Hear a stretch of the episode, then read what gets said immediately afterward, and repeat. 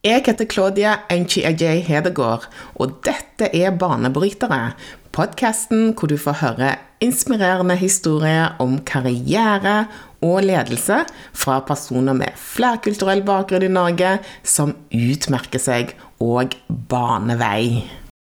Jeg følte at jeg trengte liksom å vise at jeg var verdig i rollen, eh, og brukte litt unødvendig mye energi på det, som gjorde at jeg mista litt av meg min personlighet, for jeg ble så innmari sånn jeg skulle være så seriøs hele tiden. Jeg så nesten litt sånn sint ut. Mm. Eh, hvis man går tilbake og ser på debatter jeg er med på, mm. eller samtaler, eller meg på scenen.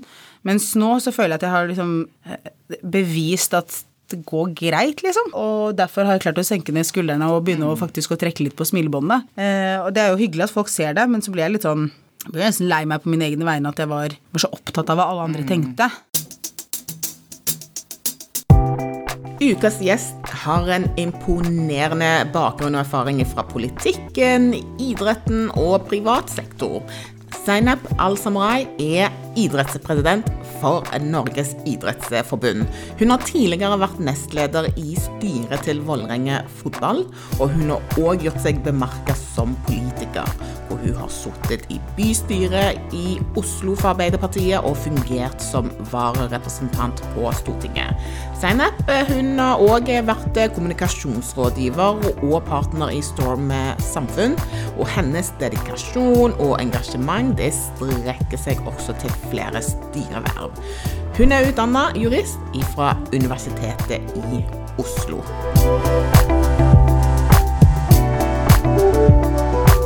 Velkommen til Banebrytere, Seinep.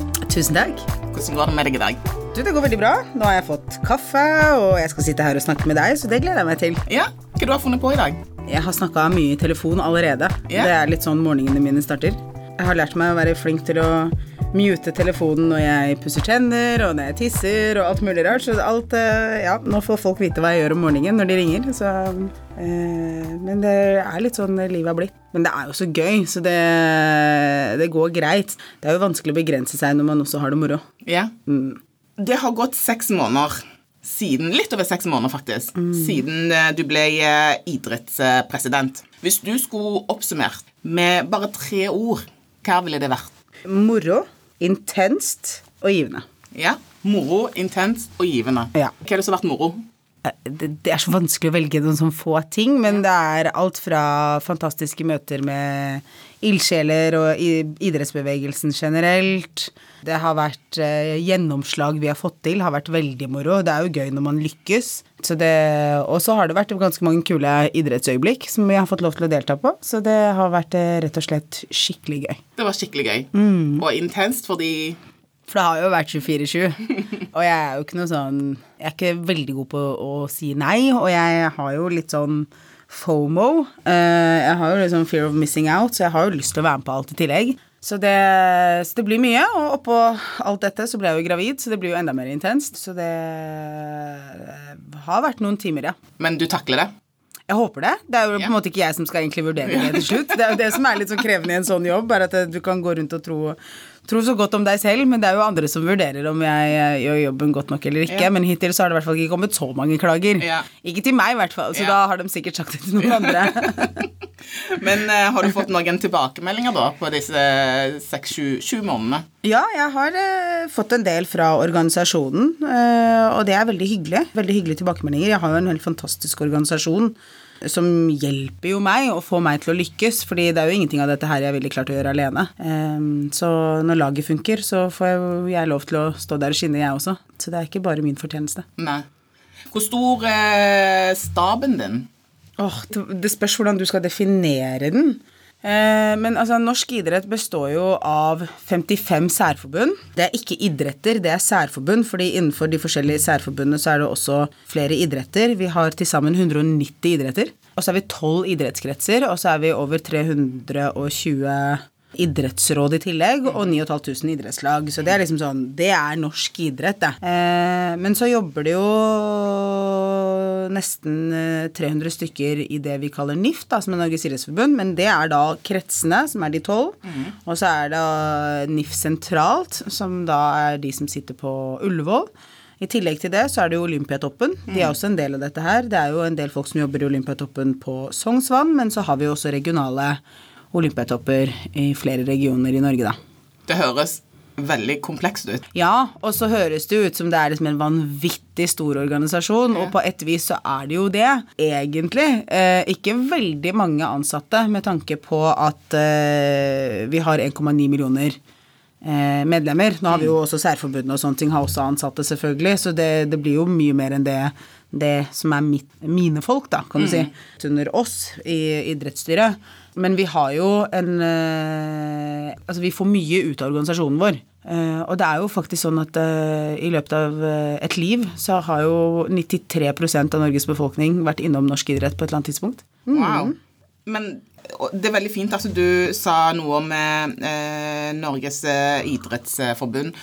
For jeg har egentlig aldri Uh, Hvis jeg skal være helt ærlig Ja, nå er jeg spent. Hvis jeg skal være helt ærlig, så har jeg aldri jeg har liksom aldri, Det har aldri vært på radaren min um, før du ble idrettspresident. var det sånn Oi! Hva dette her er for Norge? Da ble jeg interessert i Norges idrettsforbund. Mm. Så Veldig fint at du sier, sier noe om det. Men kan du si òg hva rolle kan, Er det riktig å si institusjon? Ja, det er, Ja. Vi er jo en samfunnsinstitusjon, så Ja. det er jo helt riktig, det. Ja. Hva rolle spiller det i samfunnet? Altså da, da jeg var spiller, både på, på bredde og topp, eller da jeg øh, var øh, styremedlem og nestleder og styreleder i Holmlia sportsklubb, så var jo heller ikke NIF eller Norges idrettsforbund noe som jeg egentlig forholdt meg til, jeg heller. For avstanden er ganske stor, og det er kanskje litt av det vi også prøver å gjøre noe med. Så, så det er ikke noe rart at man ikke vet dette. Det, det er jo litt sånn morsomt, for folk tror at siden du er idrettspresident, så skal alle vite hvem du er. Og det er liksom ikke sånn. Det er litt sånn som statsråder. Du vet hvem statsrådene er hvis du bryr deg om det området. Eh, så det er, litt, uh, det er litt der det er også. Og det er egentlig helt greit. Men den rollen vi skal være Altså, vi er jo i utgangspunktet en medlemsorganisasjon. Vi er jo en slags paraply for de særforbundene og kretsene vi snakker om. Og den viktig, viktigste jobben eh, vi kan gjøre, er jo å være med og rett og slett samle norsk idrett, men jobbe jo for de rammevilkårene som er viktige for, for disse særforbundene, og for, eh, for å klare å få mer aktivitet der ute, eh, rett og slett. Så noe av det viktigste vi jobber med nå, er jo økonomi som barriere. Vi jobber jo med å prøve å få bedre rammevilkår for norsk idrett, sånn at flere barn og unge kan delta. En annen ting vi jobber med som er ganske viktig, er jo anlegg. Eh, har du ikke anlegg, så får du ikke drevet med aktiviteten din. Det er en sånn fellesnevner alle særforbund har et behov for, da, de to tingene der. Eh, I tillegg til det så jobber vi med å prøve å gjøre frivilligheten enklere, fordi majoriteten av norsk idrett er jo drevet på frivillighet. Jeg er jo en av få som er veldig, veldig privilegerte, eh, som er tillitsvalgt i norsk idrett. De andre som sitter i styrer rundt om i, i Norge, gjør jo det gratis fordi de er glad i idretten. Um, så det er sånne ting vi jobber med, og i tillegg til det så har vi jo den toppidrettsbiten, da. Det er der vi egentlig skaper uh, håp og rollemodeller, og det tror jeg er uh, noe som man kanskje ofte glemmer at er en viktig ting å gjøre. Jeg tror barn og unge har godt av det. Det tror jeg òg. Alt henger sammen med alt, som vi sier. Det tror jeg òg. Jeg spilte basket da jeg var yngre. Jeg elsker det. Eh, og jeg angrer egentlig på at jeg slutta eh, etter noen år. Men eh, for meg så, var, så betydde basket veldig mye i den alderen jeg var rundt tolv år. Det betydde så utrolig mye, for det, det, det lærte meg hvordan man eh, spiller på lag mm. med andre. Du var en del av en community, et samhold, eh, hvor eh, det du Prestasjonene dine var det som var viktigst. Eh, ingenting annet, egentlig. Så det var utrolig fint. Eh, så jeg, eh, ja, jeg er veldig glad for at du sier at eh, det, altså Norges idrettsforbund skal faktisk bidra til at eh, flere får den opplevelsen som jeg hadde, da.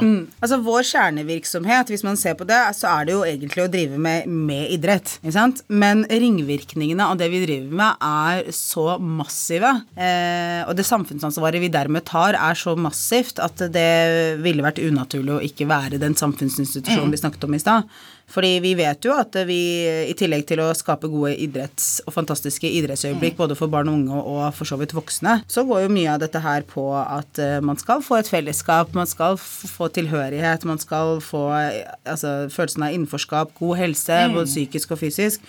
Og for mitt vedkommende så handla det jo også om at fordi i likhet med deg så fant jeg en idrett som på en måte var liksom min greie.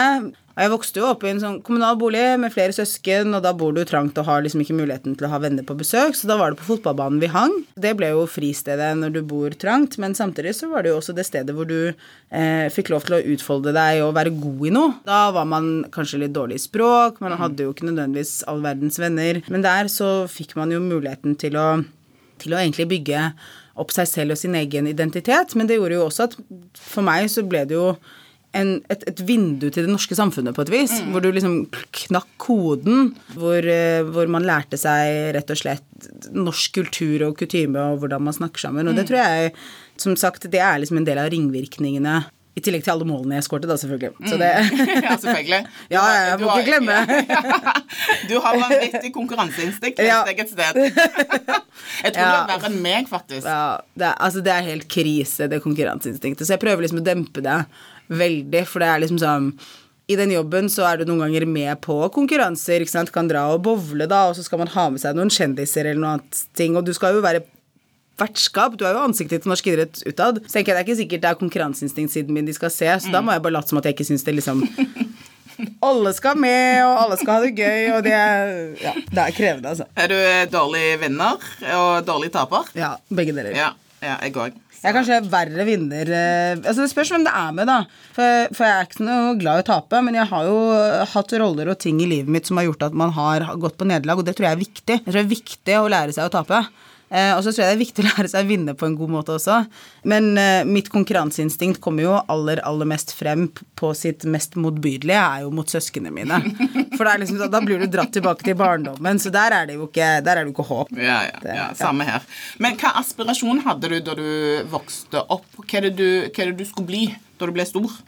Jeg tror jeg skulle bli pappa, egentlig. Det er litt så, så enkelt. Du skulle bli pappa? Jeg skulle bli ja. pappa. Jeg skulle bli som han. Jeg så veldig opp til han, syntes han var veldig stas.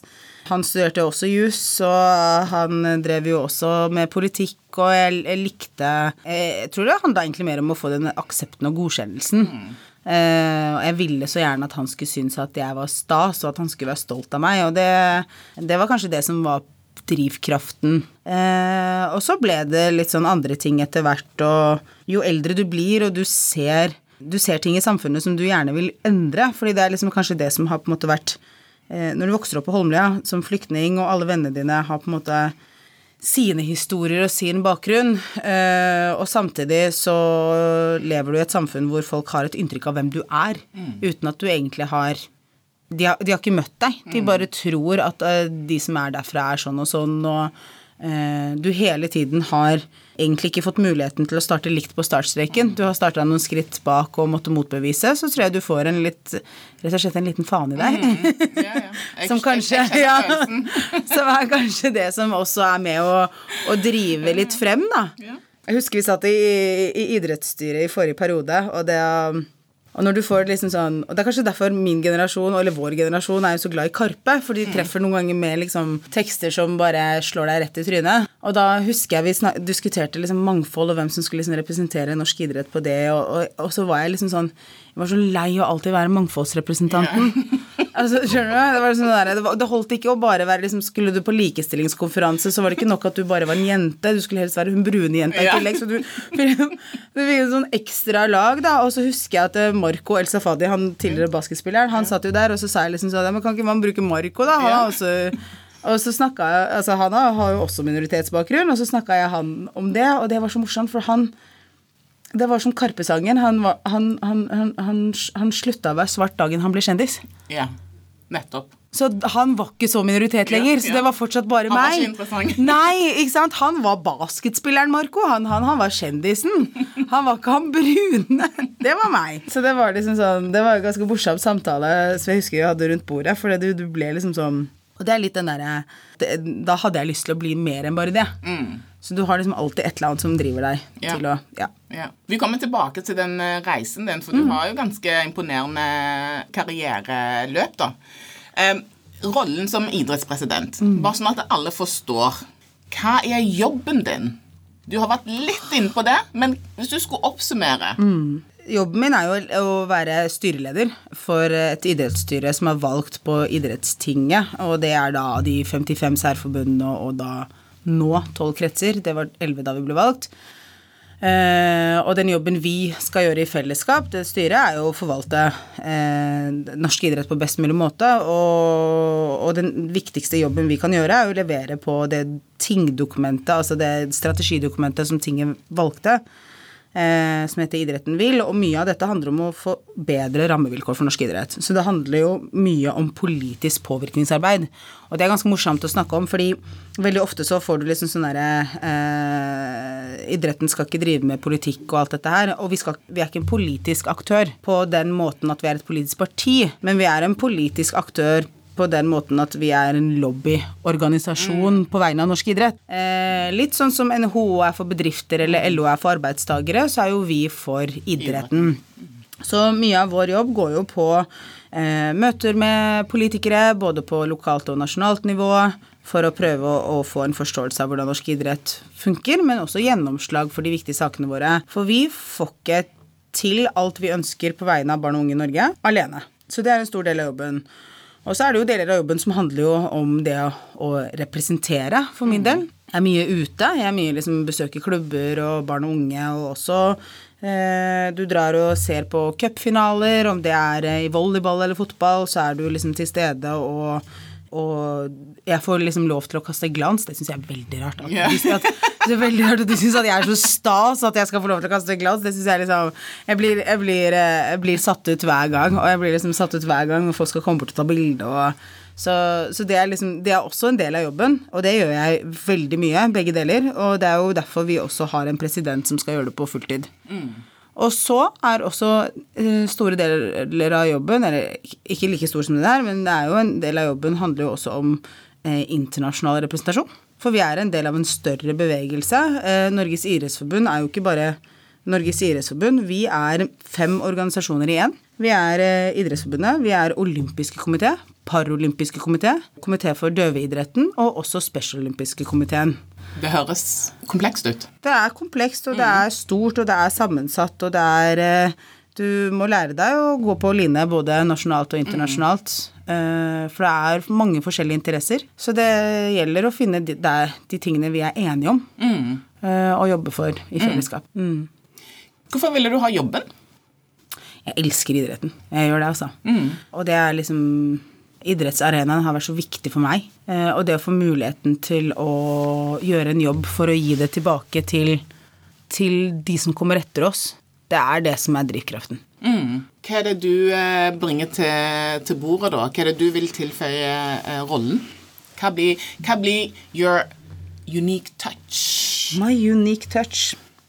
Um, for meg så handler det om å ta med erfaringene jeg har fra idretten, inn i rollen. Det handler jo om å ha vært et barn som egentlig sto på utsida og mm. så inn, men som fikk lov til å komme inn. Den derre hva det betyr å få lov til å tilhøre et fellesskap. Det å få lov til å drive med idrett, det å ha det gøy på en fotballbane, drive med bredde eller topp, har vært viktig. Likestillingsperspektivet er viktig for meg i norsk idrett, fordi jeg var fotballspiller mm. og jente. Så det var ikke sånn at man var veldig prioritert, verken når det kom til banetid eller gode trenere eller eh, muligheter til å kunne satse på det. Mm. Så det å ha med det perspektivet inn har vært viktig for meg, og det å, og det å rett og slett bruke den erfaringen jeg har tatt med meg eh, gjennom å ha sittet på begge sider av bordet politisk, forstå hvordan man kan få gjennomslag for norsk idrett, har vært mm. viktig. Og vi har jo hatt et vanvittig halvår bak oss også, for vi har jo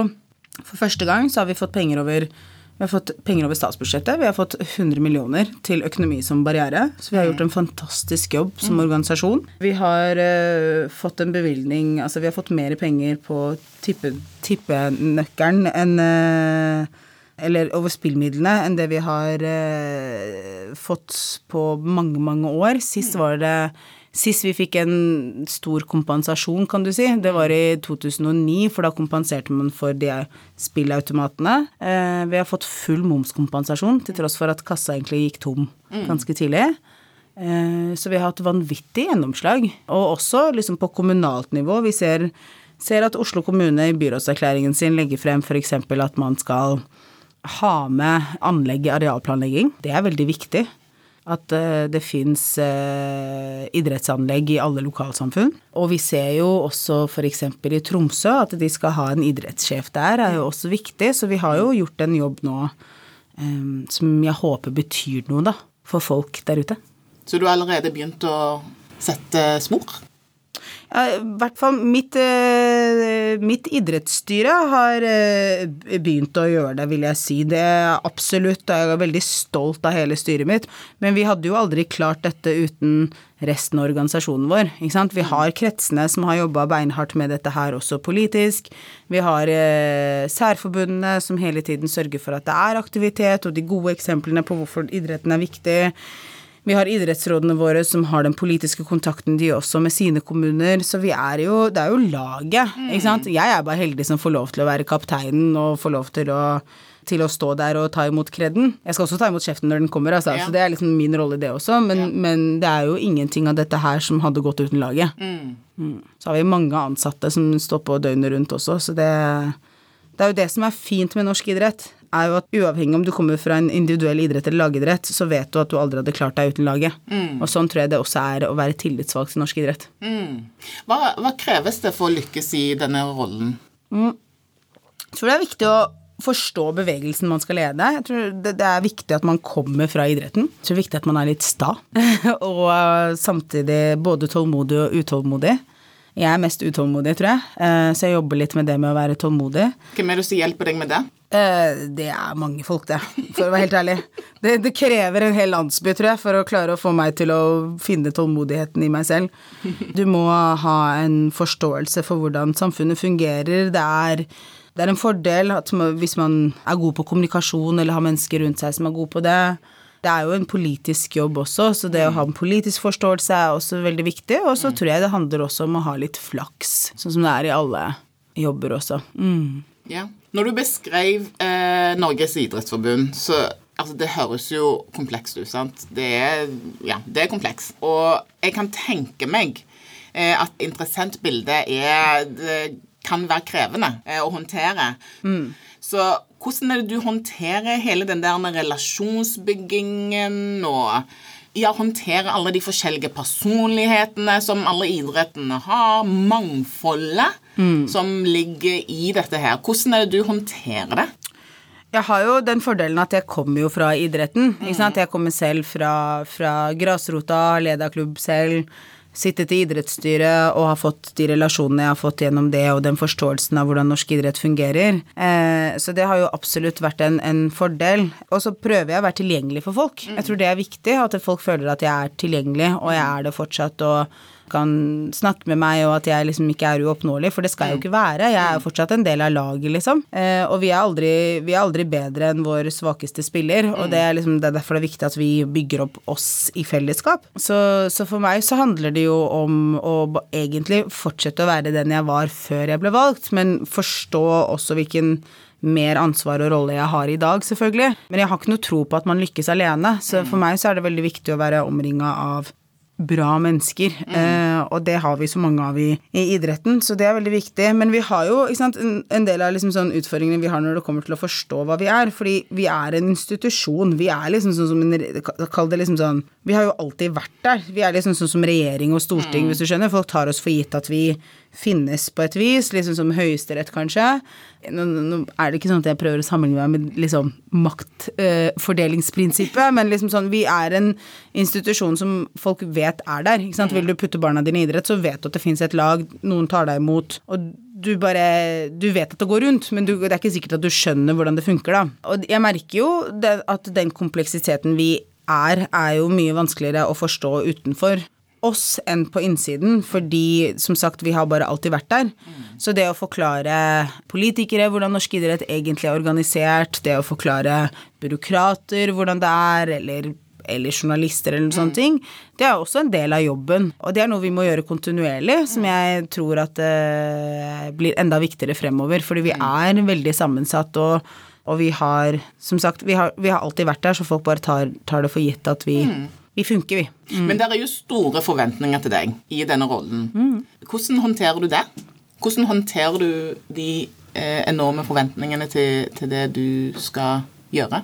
Nei, altså jeg, Det er jo litt det der med å være utålmodig og tålmodig, da, eh, for å være helt ærlig. Fordi eh, jeg har jo kanskje større forventninger til meg selv eh, enn det noen egentlig har, og legger mest press på meg selv også. Men så har jeg jo på en måte Altså, det, vi har jo hatt et sinnssykt halvår nå hvor vi har levert helt vanvittig mye. Og jeg tror liksom sånn eh, Hvis du er en del av norsk idrett og ser hvor mye vi har levert, så blir man jo litt, litt paff av hvor mye vi egentlig har fått til, sammen med da eh, viktige beslutningstagere også. ikke sant? Vi har jo fått hjelp fra regjering og storting på å levere på dette her, og lokalpolitikere og sånne ting, så vi har jo gjort alt dette her i fellesskap med flere andre.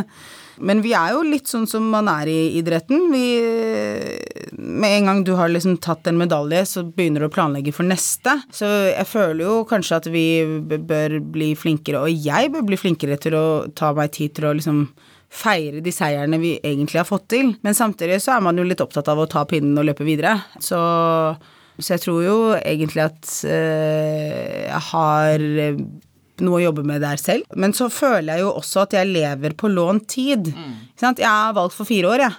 Og jeg har så mange ønsker og tanker og ting jeg vil gjøre på vegne av norsk idrett, så jeg føler jo at jeg må, jeg må få lov til å gjøre det i løpet av disse fire årene. Og så kan jeg heller se tilbake på presidentperioden og tenke, vet du hva, det gikk faktisk greit.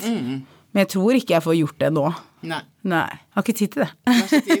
Jeg har ikke tid. Til å evaluere alt dette navn. Nei, og ja. som sagt, det er jo også veldig gøy. Eh, så det er ikke sånn at jeg, jeg har ikke stått opp ennå og angra. Det har jeg ikke. Ja. Uh, Du har ikke, du har ikke tenkt, opp og tenkt det i kald svette og bare Hva er det jeg har sagt ja til? ikke helt. Det er nesten. Det er liksom sånn, ikke angrende, men mer sånn oi, shit, hva skjedde? Det har nok skjedd. For det er jo ikke normalt å stå opp en dag og vite at eh, man blir kalt president. Det er det ikke. Det tror jeg ingen eh, Altså hvis, hvis noen går og tar det for gitt, så, så har man i hvert fall et uh, annet selvinnsikt enn det jeg har.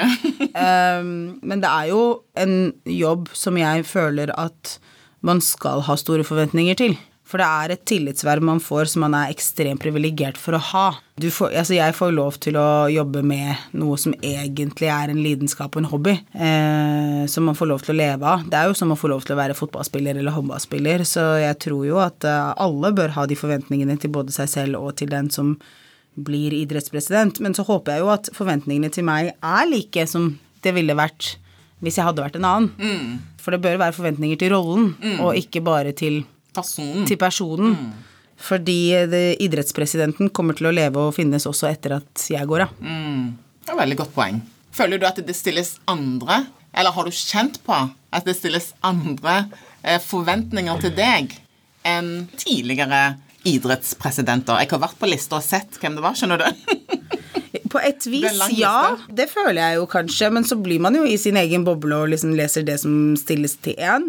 Jeg føler jo øh, kanskje at man også hadde mindre forventninger til at jeg skulle lykkes. Noen hadde jo det også. Eh, trodde at det ikke skulle gå bra, og nå har det jo gått bra. Og det har jo faktisk gått veldig bra, hvis man får lov til å si det selv. Det er i hvert fall de tilbakemeldingene vi har fått tilbake på. Altså, det er gratulerer til hele norsk idrett. Det er jo ikke det er jo, som sagt igjen, det er jo laget som lykkes, og, det har jo, og vi har hatt ro, og vi har jobba.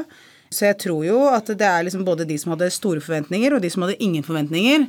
Så skal man liksom levere på begge deler, da. Og for mitt vedkommende, så i begynnelsen, og det, fått, det var faktisk når jeg fikk tilbakemelding på, på idrettsgallaen, at det var så hyggelig å se meg på en måte smile igjen og være meg selv. Ja. For jeg tror da jeg kom inn i rollen i begynnelsen, så var jeg så jeg var mer opptatt av de som var kritiske, enn de som var for meg. Så jeg var så opptatt av å levere for dem. Som er kanskje det Som er kanskje litt normalt at man gjør det, men som egentlig er litt rart også, for det var jo et så lite liksom det var liksom sånn noen kommentatorer og noen mennesker som ikke kjente meg, og liksom sånne ting som jeg følte at jeg måtte levere Måtte motbevise dem, vet du, istedenfor å bevise da igjen. Det kan ha vært en sånn skade fra, fra oppveksten, kan Ja. du si. Uh, og jeg brukte jo Jeg følte at jeg trengte å liksom vise at jeg var verdig i rollen, uh, og brukte litt unødvendig mye energi på det, som gjorde at jeg mista litt av meg, min personlighet, for jeg ble så innmari sånn jeg skulle være så seriøs hele tiden. Jeg så nesten litt sånn sint ut. Eh, hvis man går tilbake og ser på debatter jeg er med på, eller samtaler, eller meg på scenen.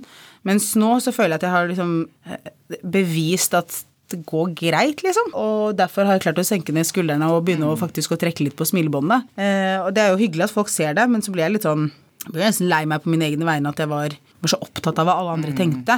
Nå har jeg fått muligheten til å vokse litt i rollen, og jeg tror det er Det er i hvert fall veldig fint for meg. Det gjør at man eh, sover mye bedre og klarer å slappe litt av og tar ting litt også som det kommer. Mm.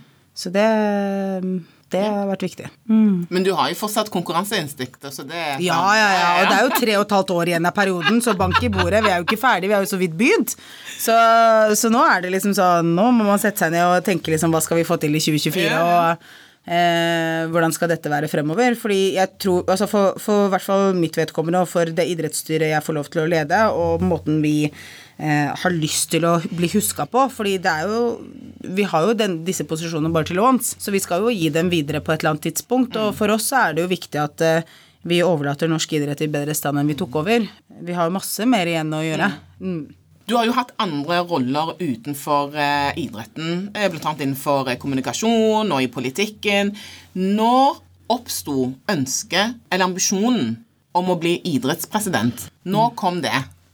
Altså, jeg husker jo da jeg kom inn i idrettsstyret i 2019, så var det ingen ønske om å bli det. Og det var heller ingen tro på at jeg kunne bli det. Det, det kan hende at det på en måte også henger litt sammen. Eh, da var jeg litt mer eh, spørrende til hvorfor jeg fikk lov til å sitte rundt det bordet.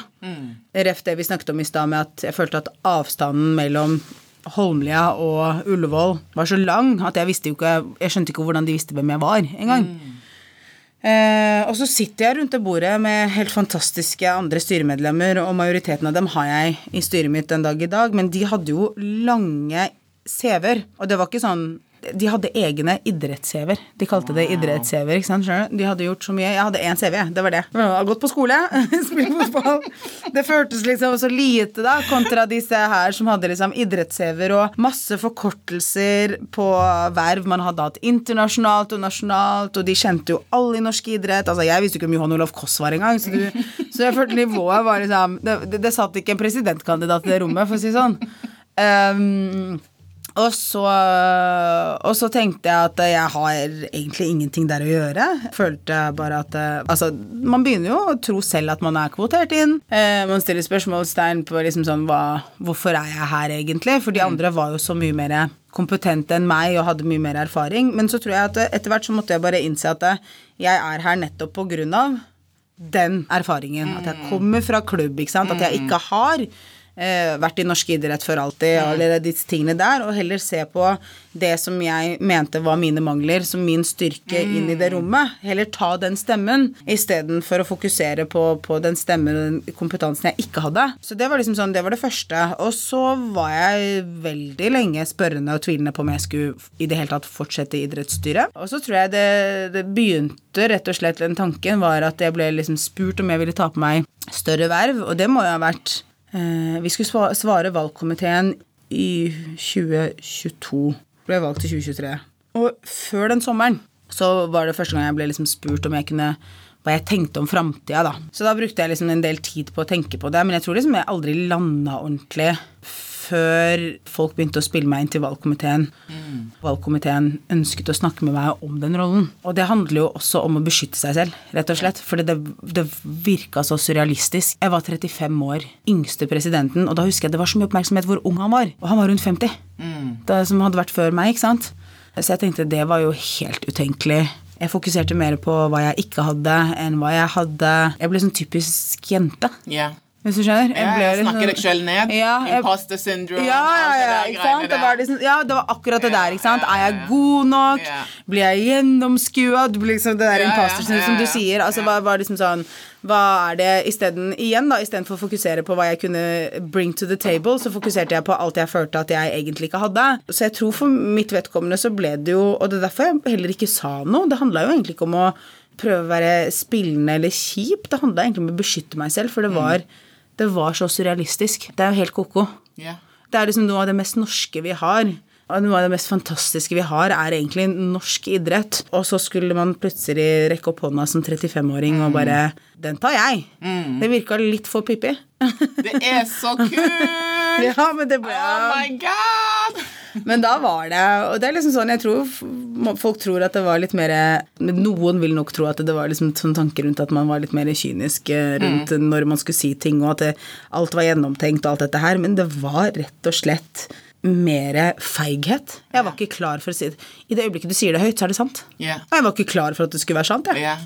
Og i hvert fall ikke hvis det ikke var reell mulighet.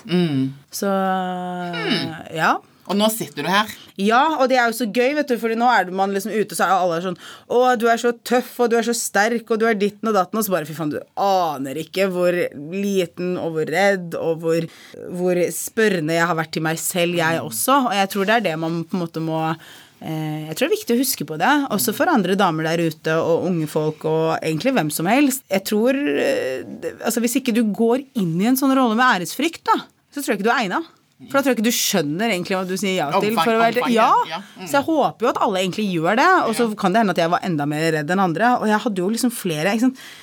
Tenkte, jeg, tenkte jo på alt, for du begynner jo å krisemaksimere. Jeg tenkte på liksom sånn Vil jeg få mye hat? Jeg har jo også Jeg har jo minoritetsbakgrunn i tillegg, og jeg husker jo hvordan det var i politikken. Uansett hva jeg sa, så ble jeg beskyldt for å ha sugerør i statskassa, liksom.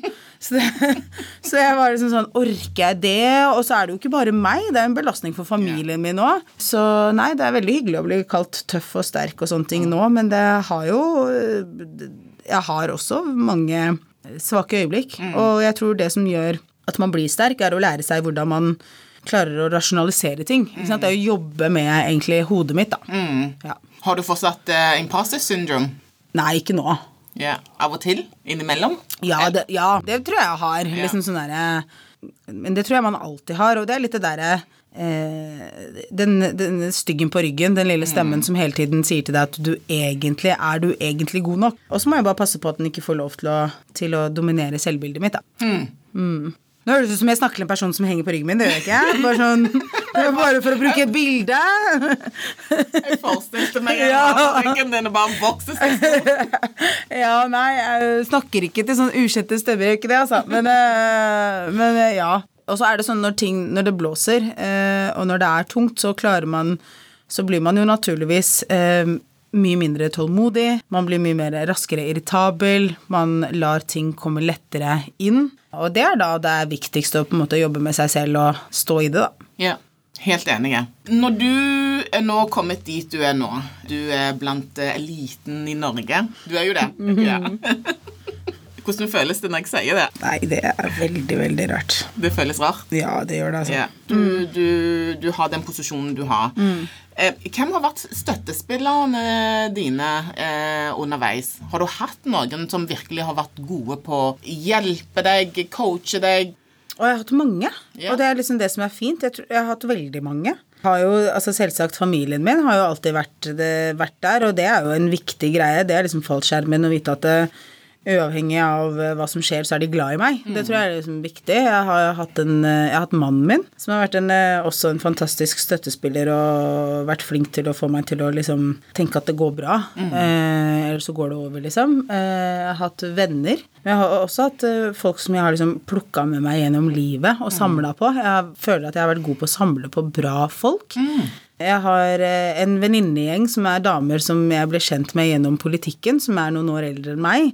Som liksom har kanskje noen av de erfaringene som, som jeg ikke hadde da vi ble venner, da, og som har eh, hjulpet meg med å utvikle en trygghet, jeg også. Så de har jeg jo fortsatt i livet mitt. Og man har liksom heiagjenger frem og tilbake, og akkurat denne her gjengen her, de er jo så fine. De sender jo blomster i hytte og pine.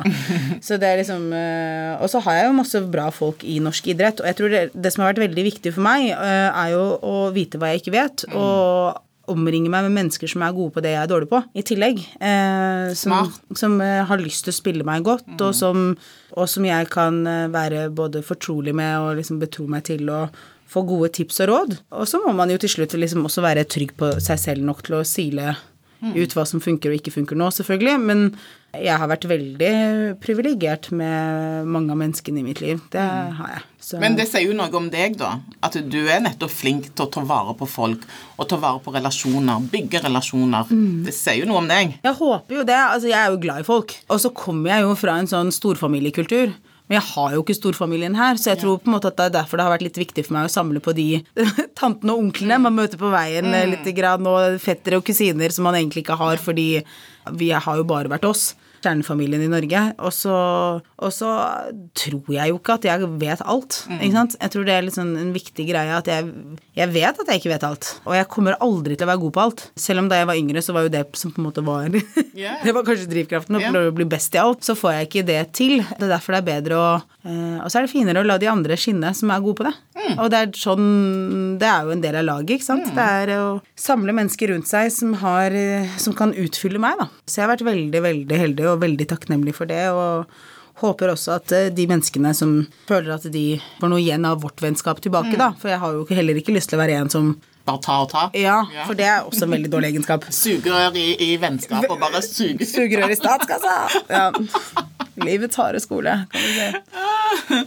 Men, men eh, som leder, hvordan eh, vil du beskrive ledestilen din? Ehm, litt sånn som eh, Vet ikke, kanskje litt sånn som Fantomet. Streng mot de strenge og snill mot de Eller hva det heter. Hva er det han pleier å si? Jeg, Jeg vet ikke. Slem mot de slemme og snill mot de snille, eller noe sånt. Nei, altså jeg, jeg tror Jeg er ganske tydelig som person. Eh, det liker jeg jo å tro at jeg er, og har lyst til å være det. Og jeg tror det handler om at det, for meg personlig så skaper det en trygghet at folk er tydelige og direkte, istedenfor at jeg skal gå rundt og lure på hva de tenker og sånn. For det blir jeg gæren av. Så det liker jeg ikke selv. Så jeg prøver å være direkte.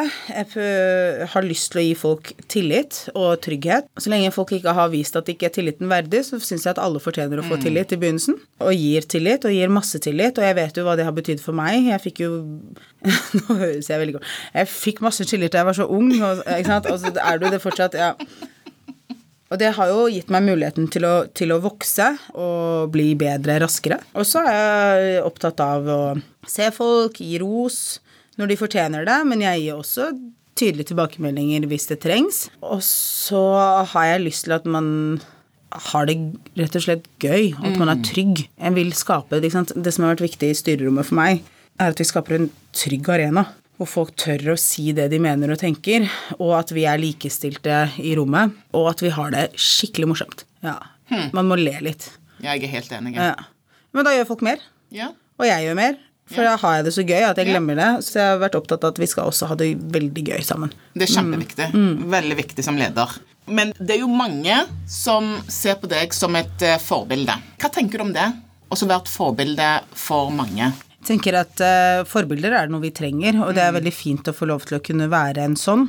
Og det er derfor det er veldig viktig for meg å beholde min altså, identitet og personlighet i måten jeg er på. For jeg kan si rare, drøye ting, og jeg kan uh, har liksom mine sider, og det å vise at man er genuin og ekte, tror jeg har vært veldig viktig, sånn at man ikke får et, et sånn polert bilde. Og at uh, man har reelle og ekte forbilder, da. Det har jeg lyst til. Yeah. Mm. Uh, har du noe råd til eh, For du er jo ambisiøs. og Jeg syns jo det er kjempebra. Jeg synes det er fint at folk har ambisjoner. Har du noe råd til andre ambisiøse som vil opp og frem og nå karriereambisjonene? Åh, jeg har hele tiden vokst opp med å høre at man må være så tålmodig.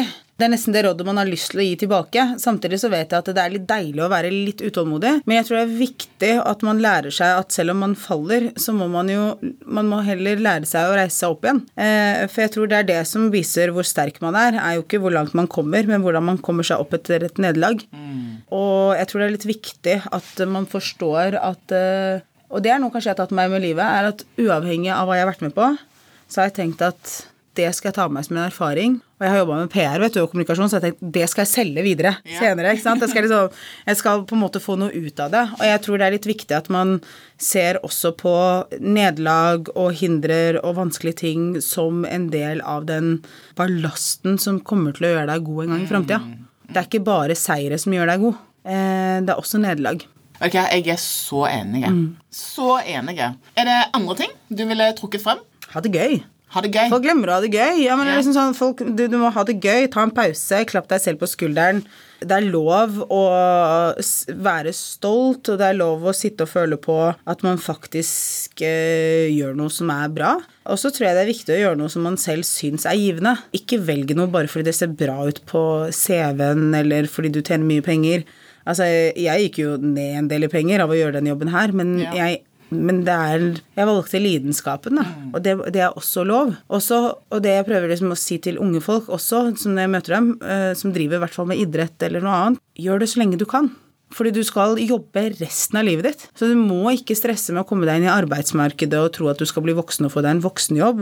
Altså, Hadde jeg hatt muligheten til å kunne vært idrettsutøver i fire år til, så hadde jeg heller gjort det enn å være idrettspresident. Det må jeg være ærlig på. For den perioden som utøver for de aller fleste idrettene våre, den, den, det livet der, det er så kort, det. Så nyt det. Tør å være det litt til, og det gjør ikke noe om du begynner å studere når du er 30. Det gjør ikke det, altså. Selv om de som tar imot skattepengene våre sikkert ikke er enig med meg, eh, så tror jeg det, det er kanskje det når jeg er ute og møter utøvere. Prøv å leve lengst mulig som utøver, fordi eh, du får ikke den tiden tilbake. Men du kan være en eh, arbeidsmaur resten av livet og sitte i et kontor, liksom. Men eh, utøver får du bare i noen år. Ja. Grip muligheten. Virkelig. Grip muligheten. Zainab, tusen takk for at du tok deg tid til å komme og prate med meg og dele din historie. Du er superinspirerende, og jeg setter veldig stor pris på at du kom. Tusen takk.